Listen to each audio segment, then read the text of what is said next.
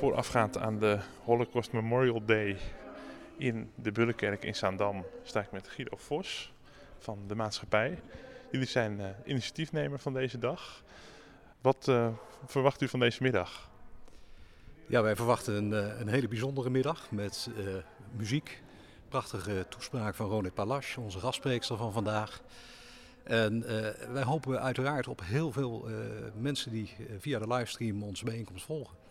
Nou, de aanpak is niet heel anders geweest dan andere jaren. Uh, de opzet van het programma is al ongeveer hetzelfde. Uh, we hebben alleen wat meer uh, vooraf moeten improviseren. Er zijn ja, bepaalde onderdelen al vooraf opgenomen.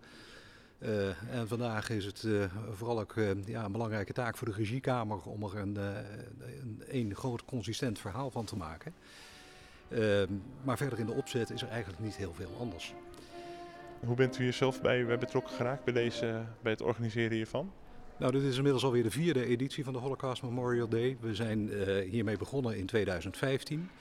En eigenlijk ligt de oorsprong uh, van uh, nou ja, de invulling van deze dag bij het werk van de Stichting Monumenten Spreken. Dat is een stichting die nou, zo'n vijf, zes jaar geleden alle verhalen achter de 28 Zaanse oorlogsmonumenten in beeld heeft gebracht. Op een bijzonder indrukwekkende wijze. Uh, door interviews met uh, Holocaust-overlevers. Uh, nou ja, prachtige oude filmbeelden. En daarvan hebben wij gezegd, ja, dat moet niet bij iets eenmaligs blijven. die traditie moet worden voortgezet. En laten we als maatschappij in samenwerking met comité 4 en 5 mei en de gemeente Zaanstad en nog een aantal andere organisaties de handen ineens slaan om eens in de twee jaar hier op grootste wijze in de Bullenkerk in Zaandam invulling aan te geven. Ja, en uh, dat uh, bij deze dus, um, ja, de Bullenkerk wat ook een bijzonder cultureel centrum aan het worden is natuurlijk. Hè. Met, met, optredens die we het afgelopen jaar hebben gezien en allerlei van dit soort bijeenkomsten.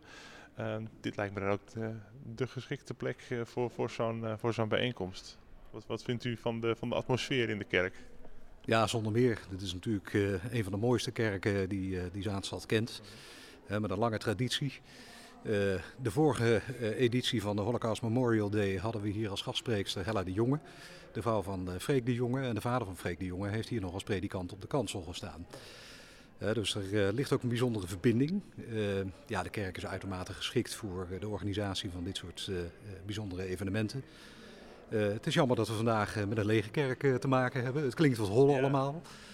Maar we gaan er toch een, een, prachtige invulling aan geven. De gastspreekster vandaag is Ronit Palas. Wat kunt u over haar vertellen? Ronit Palas is journaliste, heeft de school voor journalistiek gedaan, is schrijfster. heeft onder andere bloemlezingen geschreven over Ischa Meijer, de grote interviewer die inmiddels alweer 25 jaar geleden is overleden. Maar een zeer uh, bepalende uh, uh, factor is geweest in ja, de Nederlandse interviewwereld. Um, zij is ja, bevlogen door, door Ischa Meijer. Ja, Ronald Palas geeft als representant van de derde naoorlogse generatie uitdrukking aan het onbeschrijfelijke van de Holocaust. En hoe die 76 jaar na het einde van de Tweede Wereldoorlog nog steeds zijn sporen nalaat. Uh, in het uh, doen en zijn van de uh, huidige generaties. En ze is daarom een belangrijke vertolker van nou ja, wat, wat hier vandaag gebeurt. We zijn ook heel trots dat we vandaag haar als gastspreker hebben. En ze is daarmee de vierde in een rij van grote namen. als eerste gastspreker hadden we Ad van Liemt, de geschiedkundige. die werd vervolgd door Abraham de Zwaan, de socioloog. En voor vorige editie was het Hella de Jonge. En dit jaar is dat uh, Ronald Palas. En daar zijn we zeer verheugd op. Dat kan ik me voorstellen. We gaan uh, luisteren naar haar uh, toespraak en naar de muziek. We hoorden net een klein meisje hier oefenen met een heel bijzonder lied over een oude meneer. Ik vond het een heel, nou, in de generale repetitie al iets waar ik even een brok van in de keel kreeg. Dat zal tijdens de livestream ook wel heel mooi overkomen. En we hebben natuurlijk nou ja, inderdaad de burgemeester die nog even spreekt. En dat alles aan elkaar gepraat door Piet Bakker journalist.